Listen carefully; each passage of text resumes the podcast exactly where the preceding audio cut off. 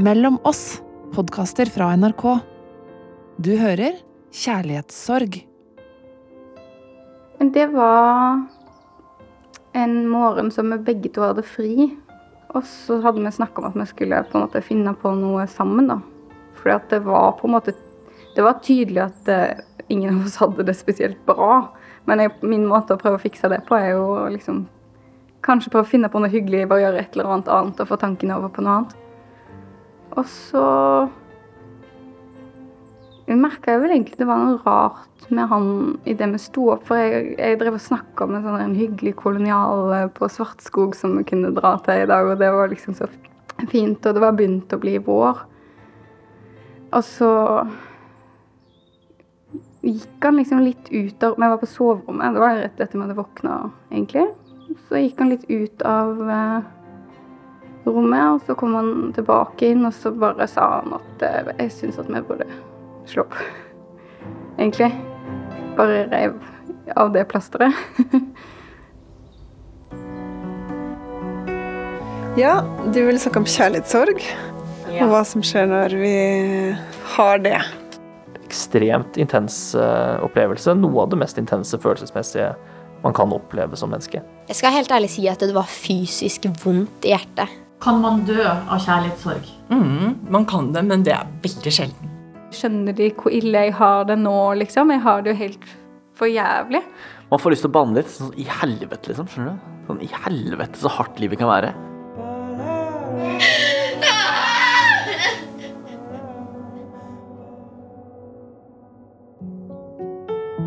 Jeg heter Silje Nordnes og har hatt kjærlighetssorg. Masse. Hun her, hun skal jeg være med resten av livet, har jeg tenkt fire ganger. Og nå har jeg blitt 37 og er singel, så da gikk det ikke sånn som jeg hadde tenkt. Men jeg er jo ikke alene om det. Nesten alle opplever brudd og kjærlighetssorg en eller annen gang i løpet av livet. Det er ondt. Fryktelig ondt. Men sjøl om jeg har vært igjennom det flere ganger, så lurer jeg på hva er det som skjer? Og hvorfor er det så jævlig kjipt? Det skal jeg prøve å gi deg svaret på i denne serien på fem episoder. For at du skal få det litt bedre hvis du har det vanskelig akkurat nå, og at vi alle til slutt får troa på kjærligheten igjen. Selve kjærlighetssorgen er over for min del. Og det er vanskelig å huske tilbake og sette ord på hva jeg har tenkt og følt.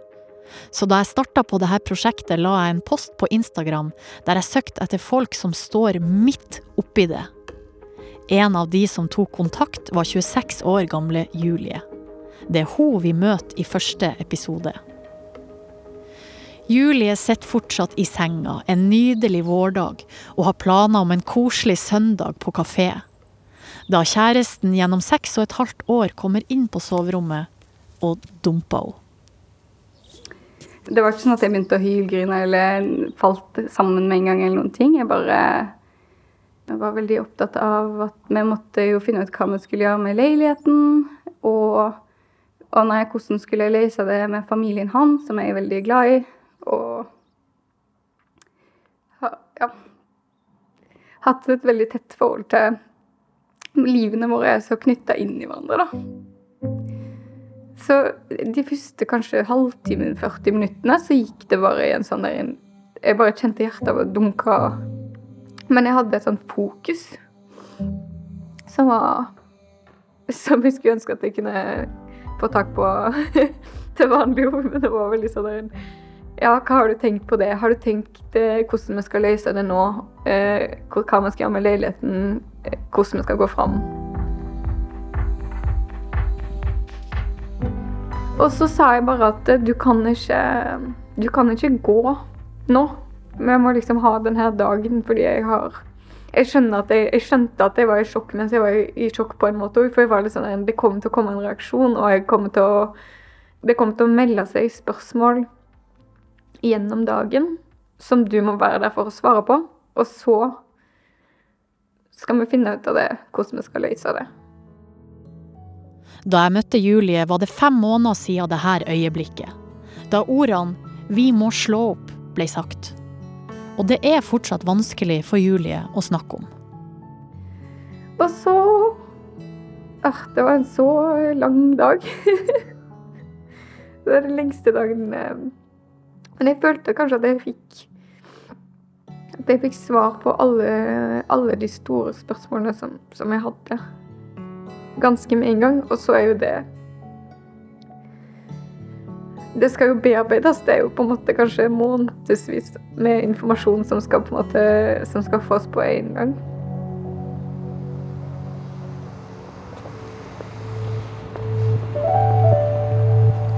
Hallo, Daniken. Hei, det her er Silje. Det her er psykologspesialist Anniken Martines Aasen. Hun jobber med mennesker i livskriser og har tatt imot mange med kjærlighetssorg. Hun skal du få møte flere ganger i denne serien.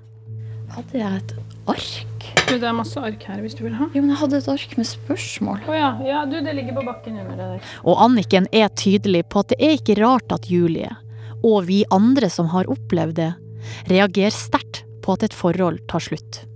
Jeg tror det er veldig lett å tenke at hvis man reagerer sterkt på et brudd, at oi, det er noe feil med meg, jeg tåler jo ingenting, eller jeg er jo helt ute av det. Men jeg tror vi undervurderer hvor sterkt et brudd kan ramme oss. Så det er for veldig mange noe av det aller verste man opplever i livet. Det er så forferdelig at det skjer. Og man mister det som var den aller viktigste personen i livet, kanskje. Så den har valgt å gå videre. Eller det funka ikke, da. Det blir slutt. Og det er et veldig tøft å stå i. Siden det er en del av livene våre, til oss alle, så tenker vi at da er det ikke så farlig. Men det er jo kjempevondt. Det fins jo på en måte ikke noe verre. Når det står på, så er det jo helt Man mister jo helt Man kan miste helt fotfestet av det. Alle mine brudd er ulike. Jeg har gjort det slutt, blitt dumpa, blitt enig eller lata som jeg var enig, uten å egentlig være det. Men felles for alle er at i forkant har det enten vært tegn på hvor det bar, eller at vi snakka åpent om at vi hadde problemer. Likevel har sjølve bruddene kommet som noen sjokk. Altså, et brudd kan jo, selv om man har visst at det på en måte er i, på vei, så tror jeg at når det først skjer, så er det et eller annet med at det oppleves annerledes å si det høyt og føle det og ta det inn, enn å være redd for det eller å forvente det. Fordi når det blir sagt 'nå er det slutt', så er det nesten som at det um, går opp for en hva det faktisk innebærer, da. At det kan bli ekte. Så selv om man har strevd kanskje lenge og jobba med det og diskutert det, og så er det nesten som man ikke skjønner at, hva det innebærer før det er sagt. Og at følelsen nesten kan være som at man ja, mister fotfestet eller blir dratt beina under, på en måte. Ja. Og så en annen ting som jeg også har opplevd, det der med at um, altså i en periode der man går og føler veldig på hverandre, så har jeg i hvert fall flere ganger unngått eller unnlatt å spørre fordi jeg var redd for svaret. Så det er nesten lettere på en måte å bare gå rundt i, i en sånn limbo. Fordi man er så redd for det øyeblikket. Men det føles som å tisse i buksa for å holde varmen, på en måte. Ja, men så er det jo òg fordi vi, vi vil jo gjerne at ting skal ordne seg. Det er jo derfor vi blir der eh, så lenge, ofte. Selv om vi har det vondt. Det er jo fordi vi ønsker at dette forholdet her har jeg investert så mye i. Dette er jo noe jeg gjerne vil at skal gå bra. Og selv om kanskje det er dårlige odds, så vil vi jo gjøre strekke oss langt for å få det til. Det var en sånn sjokkreaksjon i starten, og så sank det jo inn hva som hadde blitt sagt. Og hele den dagen, den første dagen, var jo eh, dødsemosjonell. Julie har mista alt det trygge og vante rundt seg. Det er kanskje derfor det praktiske blir så viktig. Hva skal skje med leiligheten, og hva slags forhold hun nå skal ha til eksen sin familie. Og så gikk jeg jo rett over på neste krise, som var litt sånn Jeg skulle ikke på jobb på, seks dager da. Så jeg tenkte sånn Jeg kan ikke være, sitte her i denne leiligheten helt alene i seks dager nå, når alt har uh, kollapsa fullstendig. Så Så da måtte jeg ringe mamma og pappa, da. og si at jeg må komme hjem. En tur. For det har Det har liksom blitt slutt mellom oss. Og pappa sa sånn Nei, dere har bare krangla. Han trodde ikke på det helt til å begynne med, for det var veldig Det kom jo helt brått på meg, men det kom jo helt brått på, på han og på mamma og på hele gjengen, egentlig. Eh, og så dro jeg hjem tidlig dagen etterpå. Det her sjokket og kjærlighetssorgen som kommer etterpå, kan påvirke alle sanser og alle deler av livet. Og da Julie for hjem til foreldrene, kjente hun det til og med fysisk i kroppen. I starten så hadde jeg veldig vondt i brystet. Eller veldig sånn fysisk eh, vondt overalt. eh. Og så spiste jeg jo veldig lite i de første kanskje tre ukene. Så Så ble jo kanskje kroppen litt prega av det òg, men det er det der eh, Ja. Jeg vet ikke hvordan man skal beskrive det, men det føltes som en sånn fysisk eh, knyttneve i brystet, liksom. Og så tok jeg jo Jeg fikk dose to med vaksine samme dag som jeg ble dumpa. nei. Så jeg måtte jo innom det der vaksinesenteret i tillegg. Så da hadde, fikk jeg jo eh, Det kan jo hende at noen av de fysiske brystregionssmertene i ettertid har òg vært litt påvirka av den vaksinen, da. Det vet jeg ikke. Og sammen med sånn, jeg fikk spørsmål sånn Hadde du bivirkninger av den? Altså er det sånn Jeg, Jeg har jo ikke peiling, fordi at jeg grein jo så mye, jeg hadde vondt i hodet, og man får jo det av å gråte, liksom. Kjærlighetssorg på engelsk er heartbreak eller heartache. Og det finnes faktisk en medisinsk tilstand som heter broken heart syndrome. Derfor tenker jeg at det er helt naturlig å oppsøke Maja Lisa Løken, som er hjertespesialist ved Universitetet i Tromsø. Hun jobber med hjerteforskning, utdanning av leger og med hjertepasienter. Kan man dø av kjærlighetssorg? Mm, man kan det, men det er veldig sjelden. Og det er bra å høre. Mm, mm. Men hva er broken heart syndrome? Broken heart syndrome det er en, en tilstand eh, i hjertet som ligner faktisk både på hjerteinfarkt og på hjertesvikt, og som skyldes en akutt, alvorlig, trasig hendelse. Som virker så sterkt på, på hjertet at hjertet forandrer eh, både fasong og funksjon. Vanligvis ser det venstre hjertekammer ut som ei pære, men hvis man faktisk har broken heart syndrome, så kan legene se en fysisk forandring i hjertet når de tar bilde av det. Ved broken heart syndrome eller knust hjerte så får det form som en krukke med en, en vid underpart og en veldig smal hals eh, øverst. Og på japansk så heter denne krukken eh, takotsubo, som er det også internasjonale navnet på denne tilstanden. Eh, fordi det ligner på en krukke som man bruker til å fange eh, blekkspruter i havet. Så det er det man ser. Eh, Når man tar enten ultralyd eller røntgenkontrastundersøkelse av hjertet, så ser man denne krukkeformede venstre hjertekammeret. Hvis man har da opplevd akutt kjærlighetssorg, så virker jo det inn på hele kroppen og inn på masse eh, signalstoffer eller hormoner, stresshormoner i kroppen, som da kan få hjertet til å endre både denne form, til denne formen som jeg snakket om, denne krukkeformen, men også til å endre funksjon, slik at hjertet ikke klarer å pumpe ut blodet på en like eh, effektiv måte som det gjør vanligvis. Og da eh, får vi det som eh, heter hjertesvikt, eller broken heart syndrome. Den smerten du kjenner i hjertet, det kan være de stresshormonene som går inn dit. Det kan det være. Ja. Mm. Men, ikke, men at det ikke er farlig, det er ikke noe man dør av i din alder. Nei. Mm. Det er betryggende å høre at det ikke er en stor fare for å dø av kjærlighetssorg. Men selv om venstre hjertekammer ikke blir til noe som ligner på ei krukke, så er det veldig ubehagelig uansett. Ubehagelig og altoppslukende.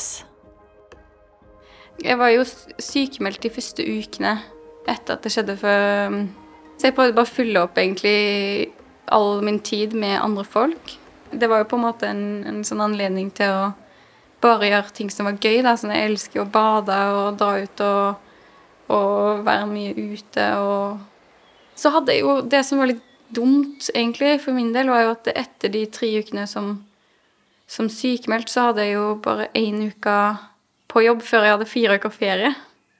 Og det var nok litt dumt, kanskje, for jeg hadde jo plutselig ingen planer for ferien. Alle planene hadde jo forsvunnet med, med han, og endte opp med at jeg hadde alle fire ukene sammen med, med familien, egentlig. Var hjemme og Og det er jo fint og greit, det, men det ble til tider litt mye sånn dødtid der jeg ble sittende og tenke, og det tror jeg ikke var så bra. Jeg syns jo det er viktig å gå gjennom alle de prosessene, men det kommer til et punkt syns jeg, der man bare går de samme rundene med de samme negative tankene om og om igjen uten å komme noe sted. Og da var det, det eneste som brøyt med det, var på en måte å komme seg ut. Og det tror jeg skjønte ganske tidlig. Så jeg gikk veldig sånn lange turer, og, og familien var litt sånn der Jeg tror de begynte å lure på om jeg var helt normal, fordi at jeg gikk så jeg, kunne liksom gå i så mange timer, da. Julie søkte hjem til familien sin. Men det var også viktig for henne å fortelle vennene sine hva hun gikk gjennom. Noe av det første jeg gjorde, var å sende melding til absolutt alle jeg er venner med, eller som, som har en sånn slags dagligdags posisjon i livet mitt, da, for å si det sånn, og skrev en, en, melding om hva som hadde skjedd, og hvordan jeg hadde det. Og at eh, jeg trodde at det kom til å bli tøft, men så fikk jeg jo et sånt behov for å eh, si ifra om at det, det, er ikke sånn at det, eh, dette tar helt knekken på meg nå, liksom. At det, det, er ikke en akutt eh, situasjon der dere må ringe til ambulansen. på en måte. Jeg har kontroll på For jeg tror som Jeg ble jo så sjokka sjøl, og så tror jeg at uh, så mange av de andre um, heller ikke hadde forventa det, pga. måten jeg selvfølgelig har snakka om det på. Så det var veldig viktig for meg å bare få den informasjonen ut, og så, og så tenkte jeg at eh, de som på en måte er litt i den nære sirkelen, de kan jo da fint spre det videre til litt mer diffuse venner i hver sin retning, så jeg slipper å, slipper å ta den der forklaringssamtalen hver gang. Mm.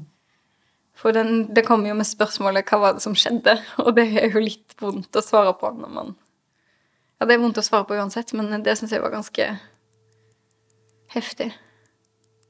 Hver gang jeg måtte forklare det, så var det sånn OK. Her kommer det bøtte med gråt, liksom. Det kan være sårbart å åpne seg for de rundt når man har det vanskelig. Men det må man nesten gjøre for å få den støtten som psykologspesialist Anniken mener er veldig viktig. Det er jo ikke alle som har lyst til å snakke masse. Men det kan jo hende at det å finne på noe med noen likevel er bra for en. Å koble seg på andre. Så må man finne sin form i det, men jeg tror det er lurt å prøve å koble seg på andre når man er eh, i et brudd. Eh, og være med venner. Hvis man har lyst til å snakke med venner om det, så gjør det. Å bli sittende mye alene, det vet vi at kan være destruktivt over tid. Jeg kan få oppleve at, eh, at jeg har kommet veldig mye nærmere. Både familien min og også øh, venner. Mm. Så det vil jeg nesten si selv om det var fælt, så på en måte så er jo det en gave. For at den, nå når sorgen er over, så sitter, så sitter jeg jo fortsatt igjen med de relasjonene som mm. da er sterkere enn det de var før. Mm. Og en krise, eller en, når en dør lukkes, sant, så er jo det selv, kan være ekstremt smertefullt og veldig skremmende og vondt. Men så betyr det jo etter hvert, når vi har det bedre, at en annen dør kan åpne seg. Og at på veien der så er det mange gode hjelpere som man kan oppdage. Og det er jo veldig mange som opplever det samme som det du beskriver, at det, dette fæle skjedde meg, og så visste ikke jeg at jeg hadde så gode folk rundt meg. Da jeg falt, så kom det så mange som forteller om eh, gode historier da, hvor de har knyttet, blitt nærmere knytta til sine nærmeste.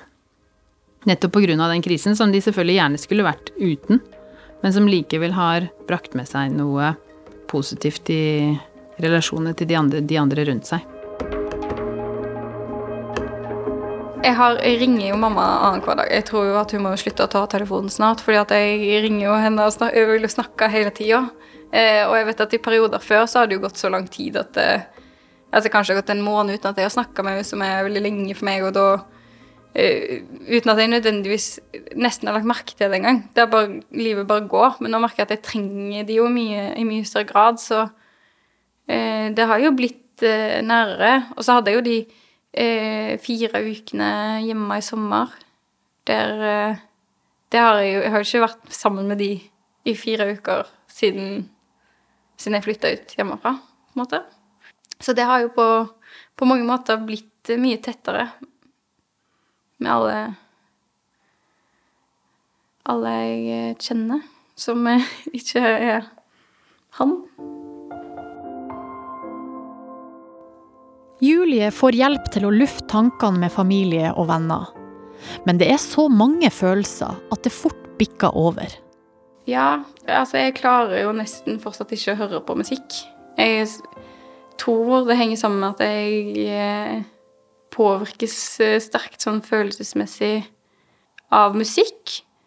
Og så har jeg kjent litt på at, eller at jeg har så lite kontroll over mine egne følelser. Jeg kan plutselig begynne å grine i en sånn helt upassende setting, og jeg følte jeg må forklare meg veldig eh, til de rundt meg. Så når jeg på en måte skal slappe av, så er jeg liksom opptatt av at jeg skal ha litt, kanskje litt kontroll på mine egne følelser. Og da jeg velger jeg ikke å oppsøke tristheten eller de følelsene ved å sette på musikk, da. Der har jeg på en måte ikke klart. Og det er litt rart, for jeg, egentlig veldig, jeg hører egentlig veldig mye på musikk til vanlig.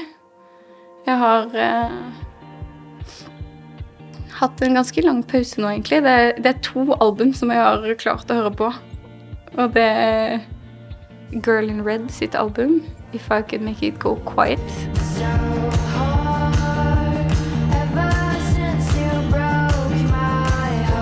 Og så er det eh, Cezinando sitt album 'Godt stupid grunt vann'. Jeg syns det er to veldig flotte album. Jeg, og jeg har i tillegg hørt de fullstendig hel før det, før det ble slutt. Så de Men jeg syns de er veldig gode. Det å gråte på upassende plasser kjenner jeg meg veldig igjen i. Jeg har ikke tall på hvor mange ganger jeg har grått på gata, på bussen eller i dokøen på Øyafestivalen. Jeg syns det er flaut. Men psykologspesialist Anniken syns ikke vi skal være flau. Men er det så farlig, da? At man er lei seg, eller at man begynner å gråte? Hva er det verste som er Hva er det verste som kan skje med at noen gråter her ute i verden? Det er jo at man er lei seg, da, så begynte man å gråte. Ja. Burde gjøre det slutt på våren, for da kan man ha på seg solbriller. ja. Da kan man gråte uten at noen ser det. ja.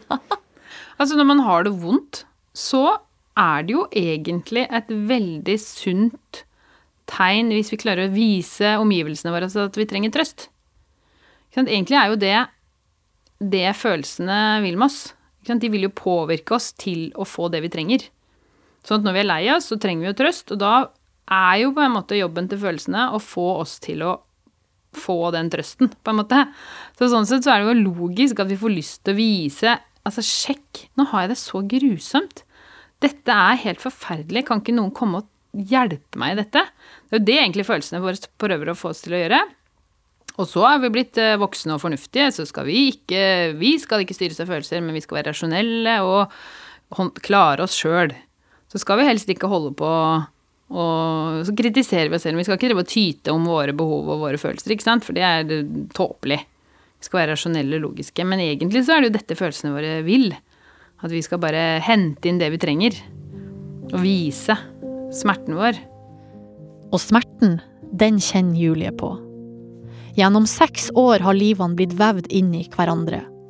Hans familie har blitt hennes familie, hennes familie har blitt hans og mange av vennene er felles. Men så er det slutt. Og nå er det en blanding av mange følelser, men mest av alt et tomrom. Det er jo et savn. det er et savn til en, en eh, bestevenn som man har hatt i så mange år. Og et hjem som man har hatt sammen med noen, som man har bygd sammen med noen. Og så er det følelsen av å bli avvist. Og, og fortsatt litt følelsen av å Av å ha forholdt seg til en, en virkelighet som er så annerledes enn noen man har vært så tett sammen med. Jeg har, øh, fikk en veldig sånn øh, fikk vanskelig med det i starten med å forstå liksom hva som var ekte, nesten. Eller sånn Kan jeg ha, kan vi, kan jeg ha hatt en så så annerledes forståelse av situasjonen uten å ha skjønt det sjøl. Jeg følte meg som Jeg har, jeg har liksom tenkt på meg sjøl som en sånn noenlunde reflektert person tidligere, og nå var jeg plutselig sånn Er jeg ikke det? Er jeg bare eh, liksom en dott? Du skal få høre mer om Julie seinere i denne serien.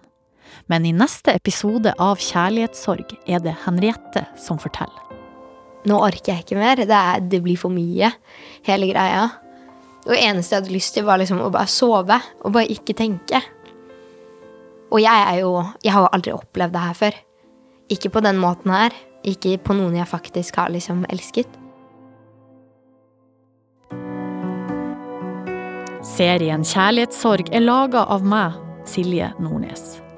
Produsenter har vært Line Alsaker og Thomas Aune. Lyddesign av Merete Antonsen. Musikken er spesialkomponert av Einar K. Five. Redaktør er Ida Jevne. Du har hørt en podkast fra NRK. De nyeste episodene hører du først i appen NRK Radio.